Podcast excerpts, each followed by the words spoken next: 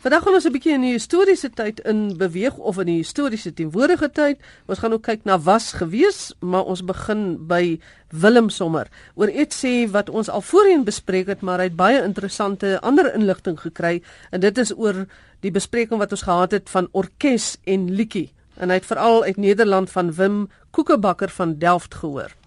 Ja, Magdalene, ek wil net vinnig opsom. Ek het drie baie interessante mededelings gehad onder andere van Wim, maar ook van Joris Cornelissen wat het festival voor het Afrikaans organiseer.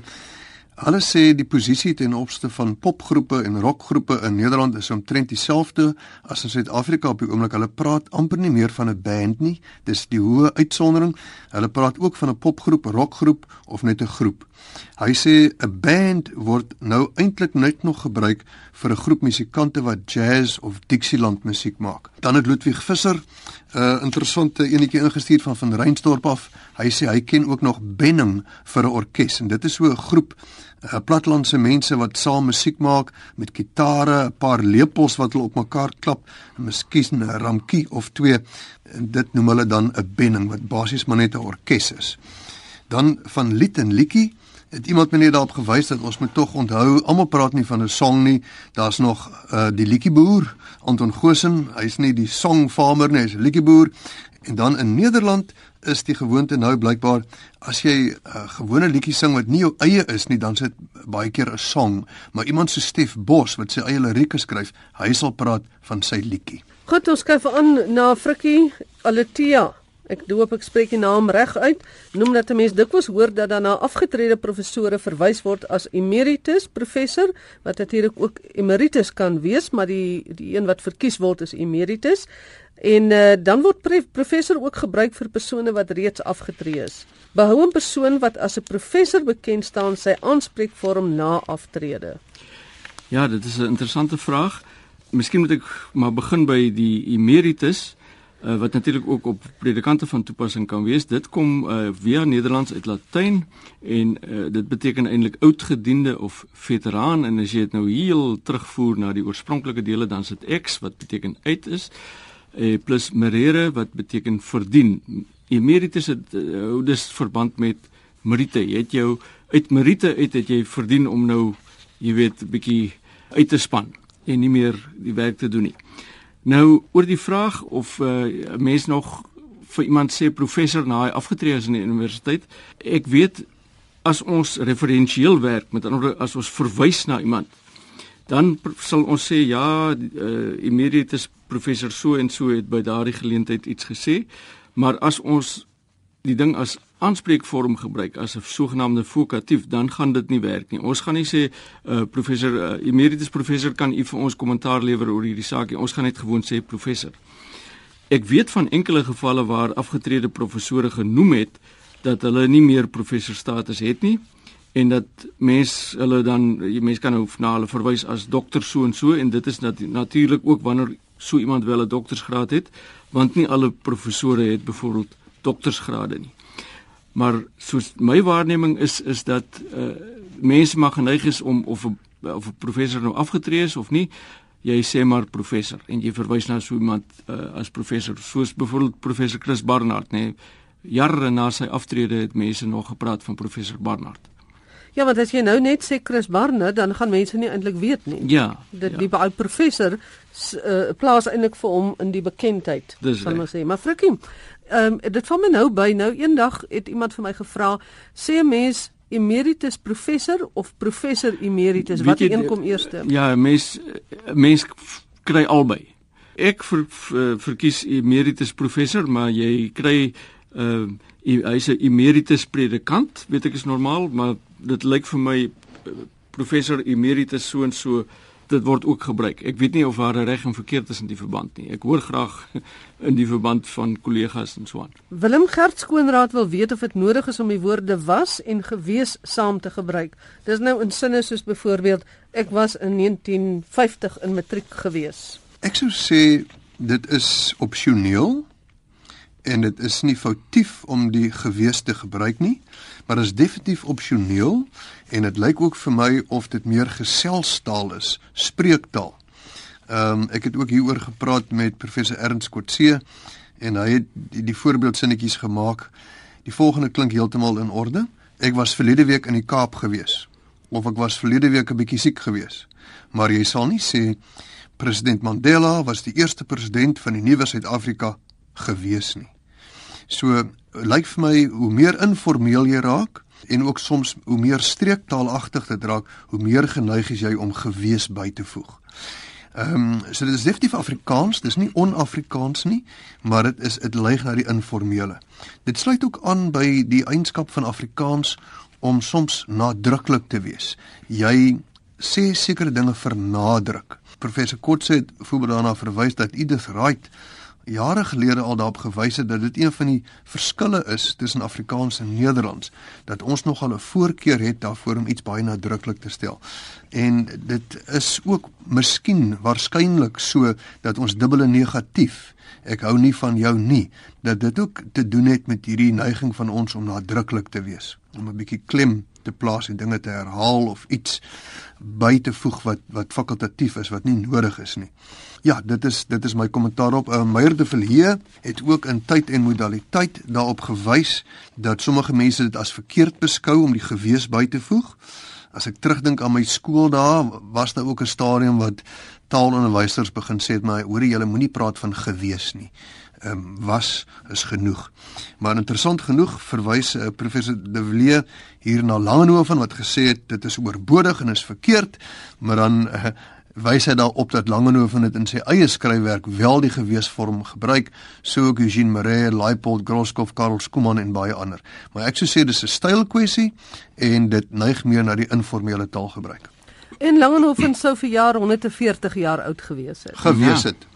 Hier is 'n vraag wat baie kere voorkom in e-posse na my toe of as mense vir my iewers kry dan sê hulle ons moet tog daaroor praat en dit is oor tyd in taal veral oor die historiese teenwoordige tyd en Frikkie jy het ook 'n navraag gehad van Marius Visser so kom ons gesels 'n bietjie hmm. hieroor hmm. Ja dit sal nou dit verge taamlik uitvoerige antwoord want dit is nog 'n moeilike saak en ek gaan nou ook aansluit by wat Willem gesê het oor uh, professor Meyer de Villiers se boek Tyd en Modaliteit. Marie sê uh, joernaliste lyk dit vir hom word aangeraai om die verlede tyd te gebruik, maar dit voel verkeerd en lomp. Hy sê die gevolge is dat die mekaar spil en historiese presence in sy oë is hoe Afrikaans moet werk. Nou dit is ongelukkig nie altyd so maklik nie, Marius. Ek het so 'n paar sinnetjies hier wat ek wil gebruik net om te wys hoe kan die verlede tyd nou gevorm word. Die een uh, tipe is hy het dadelik huis toe gestap. Ons werk met die werkwoord stap hier. Hy het huis toe gestap dan kry jy 'n sinnetjie soos toe stap hy dadelik huis toe. En nog een verlede week stap hy huis toe en daar sien hy bla bla bla. Uh nou in die eerste sin hy het dadelik huis toe gestap, gebruik ons die die perfek het gestap. In die tweede sin gebruik ons 'n bywoord van tyd toe wat vir jou dui dit is die verlede tyd. En in die derde sin verlede week stap hy huis toe, het jy 'n hele sinsnede, naamlik verlede week of 'n kollokasie wat jy dit ook al wil noem. En dit maak dit duidelik dat die verlede tyd nie noodwendig deur 'n bepaalde werkwoordsvorm uitgedruk hoef te word nie. Want ons sien hier dat ook die presence gebruik word in sinne wat die verlede tyd aandui. Maar daarbey moet 'n mens sê die ons kan die die perfek, dit is nou daardie het gestap, kan ons as die saaklike vorm vir aanduiding van die verlede tyd beskou. Saaklike vorm, dit bedoel ons maar daar's nie eintlik meegaande stilistiese of gevoelswaarde dinge by nie. Uh en jy kan ook natuurlik die imperfek. Dit is nou woorde soos dog of wis of had of was kan jy ook gebruik om die verlede tyd aan te breek. Uh aan te dui. Met ander woorde daardie imperfectum kan ook verlede tyd vir jou aandui. Daar kan egter omstandighede wees waar die presence vir die verlede tyd gebruik word soos ons nou dit gesien het by daardie sinne ook. En daardie omstandighede is tweeërlei van aard. In die eerste plek kan daar 'n sinsomgewing wees wat die presence vereis dit wil sê dit is eintlik 'n sintaktiese of 'n soort grammatiese faktor wat ons het. En in die tweede plek kan die faktor die spreker self wees en dan is dit 'n persoonlike of 'n stilistiese faktor wat ons het.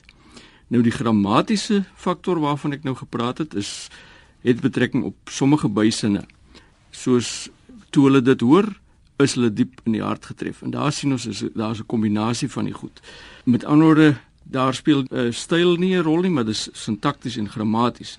Wanneer die spreker bykom, raak dit 'n persoonlike of stilistiese faktor wat jy baie keer gebruik. Die grammatiese een het te doen met taaltradisie en die taalstelsel, die persoonlike faktor uh het te doen met die stilistiese gebruik van die presence en dit noem ons dan die historiese presence en dit is eintlik 'n kwessie van van styl en smaak. Soos ek gesê het, daar is soorte bysinne waarin die presence dan gelyktydigheid en die perfek voltooidheid uitdruk soos ek gelees het. Ehm um, dit kry allerlei soorte bysinne ook naamwoordelike bysinne soos voorwerpsinne, maar ek gaan nie daarby stil staan nie, dit raak bietjie ingewikkeld. Wanneer jy wel die presence forme gebruik op eh, op die manier van die historiese presence dan dan is dit 'n middel waardeur die betrokke handelinge waar daaroor gepraat word of die gebeurtenisse of die toestande word aanskoulik of dramaties voorgestel asof hulle nou voor ons oë plaasvind of gebeur. Professor Wyle professor De Villiers sê uh die historiese presence kom in baie tale voor maar is waarskynlik in geen taal meer gangbaar as in Afrikaans nie. En dan en dit is iets wat Marius miskien uh ook moet oplet, het uh, professor De Villiers verder daaroor min of meer iets te sê gehad en dit is dat dit saam met ander gebruik moet word. Met ander woorde die historiese presence alleen sal iets van sy stilistiese waarde verloor as hy nie afgewissel word met ander nie. En daar's 'n stukkie wat wat hy dan aanhaal van van Wyklou waar van Wyklou sê dit was warm genoeg die aand. Met ander woorde daar's 'n imperfectum. Ons sit buite. Daar's 'n historiese presence. Oom Karel het die middag goed uitgerus. Daarso is 'n uh, uh, perfectum. En hy weet dat daar's weer 'n historiese presence. Nou hierdie wisseling van presence, perfek en imperfek kan gesien word as stylmiddels wat doelgerig gebruik word en wat mekaar inderdaad dan ook doeltreffend afwissel. En die slotsom waartoe Meyer de Villiers kom in sy boek Tyd en Modaliteit is dat die historiese presence se krag lê eintlik in die kontraswerking met die perfek en soms die imperfek en dat volgehoue vertelling met die presence dikwels daardie effek sal verswak. Nou baie interessante verduideliking wat jy daar gegee het en uh, dis sulke goeders wat altyd vir my weer laat besef hoe hoekom ek so lief is vir ons taal. Ek weet baie mense is bekommerd dat die taal gaan uitsterf. Ek is nie, ek is eerder hartseer daaroor dat mense nie meer die taal bestudeer nie. Mm, inderdaad, jy weet dit hierdie, nie meer baie nie. Hierdie hierdie werk van van eh, ek en Willem het sommer op pad ook gesels. Hierdie werk van Meyer was was 'n baanbrekerswerk en ek dink tot vandag toe is daar nie vreeslik gemaak uh, of of is die tydfaktor, die grammatika van tyd as dit ware, is nog nie vreeslik verder deurtrap in Afrikaans sover ek weet nie. En dit is dan waar dat mense sê die taal is 'n wetenskap. Ja, ja, 'n baie interessante wetenskap. Goed, en nou gaan ons feedback gee. Terugvoer of terugvoering? En uh, Willem gee jy vir ons feedback? Ja, Magdalene, beide kom voor. Dis maar 'n kwessie van styl. Party mense hou altyd daarvan om die kortste woord te gebruik. So terugvoer of terugvoering. Nou werkwoorde word dikwels in hulle werkwoordelike vorm as selfstandige naamwoord gebruik, soos dan nou terugvoer. Jy kan byvoorbeeld sê hy help met die redigeer van die werk of jy kan sê hy help met die redigering van die werk. En net so met terugvoer en terugvoering, dit is 'n kwessie van persoonlike voorkeur. Dan is hier van Ludwig Vister van Vereinstop 'n hele paar eh, vrae. Hy sê onder meer dat ons moet gesels oor fokus teenoor konsentreer. Dis nou soos 'n fokus my kind of konsentreer my kind. Mm. Dan ook die gewoonte om intensiewe forme so maklik te gebruik en dan die woord iwerig en verseker teenoor seker. En ja. Frikkie, jy moet uh, verduidelik en ek is veral nuuskierig nuuskierig oor iwerig. Ja, want jy ken waarskynlik die woord. Ek wag vir te hoor wat jy sê. Ja, goed. Nou uh, die eerste is Ludwig sê ons moet uh, jy weet hy uh, hy sien deesdae dat daar baie gesê word 'n mens fokus op hierdie saak, kan 'n mens nie maar eerder sê konsentreer nie. Nou Ludwig uh, ja, ek ek hoor wat jy sê en en ek stem in 'n groot mate saam, maar Uh, as 'n mens fokus of fokuseer dan nou die hiperkorrekte vorm as dit ware, as jy dit sonder probleme kan gebruik ten opsigte van die fotografie, dan soos taalwerk behoort jy ook maklike oordragtelike gebruik van hierdie ding te kry. Met ander woorde dan kan jy as dit ware die brandpunt op iets anders laat val wat nie eintlik verkeerd kan wees nie. Maar 'n mens kan natuurlik in die plek van fokus kan jy ander middele gebruik soos konsentreer of jou daarop toespits of of wat ook al die geval mag wees. Goed, en die ander wat jy sê oor die mense wat te maklik sommer net in oortreffende trapforme of intensiewe trap uh, die intensiewe forme praat ek stem volmondig met jou saam. uh, jy sê as iets swart is is dit nie nodig om te sê dit is pikswart nie. Hou daardie pikswart tot wanneer jy werklik met iets te doen kry wat absoluut pikswart is. Daar soos ons weet daar is grade van sê maar swart. En dan uh, kry jy nog pikgit swart ook. Pikgit swart en dan wil jy nou dan wil jy nou net juis meer beklemtoon hoe absoluut donker dit was nê nee of die kleur wat jy gesien het. Ons moet inderdaad leer om nie so uh, altyd hierdie oortreffende trappe te gebruik nie want jy soos jy reg sê mens moet dit hou tot tot jy dit werklik nodig kry. Nou, die perd is iwerig. Nou, dit is 'n baie interessante woord. Dit is ongelukkig 'n woord wat aan die verouder is en eintlik reeds verouderd is en dis jammer dat sulke woorde baie keer in die vergetelheid verval. Nou 'n iwerige perd kan wees 'n perd wat prikkelbaar fyngevoelig of skrikkerig is soos jy inderdaad sê hier Ludwig die perd is skittish sal die Engelsman sê. Hy's hy's fyngevoelig of skrikker skrikkerig. Ludwig sê hy het die woord gebruik in 'n vertaling uit Duits maar toe die subredakteur sê dit verander na kriewelrig. Nou kriewelrig is is reg, maar iwerig dis tog vir my of iets verlore gaan as ons sulke woorde net laat gaan. Iwerig kan ook beteken verder fliks of of vurig of wakker. Dit word dikwels gesê van perde wat lekker uitgerus en uitgevreet is. Dit kan ook wees oorywerig of heukerig of dweepsiek, bietjie lawerig of speels selfs. En nog 'n betekenisonderskeiding wat dit het is kriewelrig, rusteloos, lastig, nederig wat nou ook vir ywerig gebruik kan word. Maar dit is ook 'n 'n streektaal. Dis Dit is definitief 'n streektaal. Hmm. Ons het uh, opgawes byvoorbeeld uit Middelburg en uit uit Willowmore en Swaziland en Rustenburg byvoorbeeld. So dit word dit word in bepaalde streke wel meer gebruik as in ander ja. En dan verseker, die twee forme, dis nou verseker wat uh, vas aan mekaar geskryf word V E R S E K E R en vir seker twee woorde. Hulle is vir baie lank uitruilbaar gebruik. Maar die taalkommissie het betreklik onlangs besluit dat dit nie eintlik meer deeg nie en dat ons maar verseker met die V E R vir versekering gebruik en dat die ander waar jy sê verseker moet ons kennis neem hiervan dat ons dit losskryf en met die vir is dan V E R. En dan is hier Wensel Koetser en ons sluit met sy navraag af. Willem, hy vra of die woord dekadent van betekenis verander het. Vir hom het dit nog altyd 'n negatiewe betekenis gehad, maar deesdae lyk dit vir hom omtrent alles wat wonderlik is, is dekadent. Die dekadente sjokoladekoek. Ja, Wensel, as jy ehm um, 'n ouerige woordeboek kyk, soos jy nou inderdaad in jou brief verder skryf in jou woordeboek, het dit 'n negatiewe betekenis, die tradisionele betekenis en dit is iets soos wat dui op morele of sedelike verval, soos byvoorbeeld eh, 'n uh, dekadente beskawing. Dit is 'n beskawing wat besig is om moreel agteruit te gaan. Dit is die tradisionele betekenis van die woord. Maar dit is baie duidelik vir my dat beide in Afrikaans en Engels in, in Afrikaans waarskynlik maar 'n navolging van Engels dit nou 'n bietjie tong in die kies gebruik word en betekenisuitbreiding ondergaan het veral ten opsigte van kos en dat dit beteken besonder of buitengewoon aangenaam.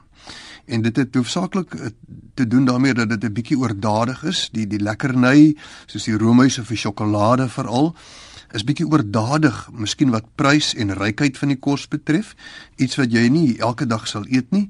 Jy put amper 'n hedonistiese genot daaruit. Dit is 'n tipe oormatige lewensgenieting. Maar dan praat jy net van 'n ongelooflike lekker sjokoladekoek. Jy het nie iets immoreels gedoen nie of dis nie immoreel om daardie sjokolade of daardie koek te koop nie. So dit het lyk vir my betekenisuitbreiding ondergaan uh, sodat dit net beteken baie besonders buitengewoon aangenaam 'n baie besonderse veral dan 'n sensuele wat jou sintuie betref 'n sintuiglike ervaring 'n baie sintuiglike bevredigende ervaring Ja, en dis so het ons gekom aan die einde van vandag se taleprogram. As jy dalk 'n woord ingestuur het, soos byvoorbeeld harde hout, hoekom ons sekere dranke so noem, en jy wil weet waar kom die aap uit die mou uit en dan is daar ook die herkoms van Amansimtoti, dan moet jy weer 'n volgende keer wanneer ons taalnavrae hanteer inskakel, want dit is van die vrae wat ons dan gaan hanteer. Baie dankie dokter Willem Botha en dokter Frikkie Lombard. Groete van Magtedeen Creer.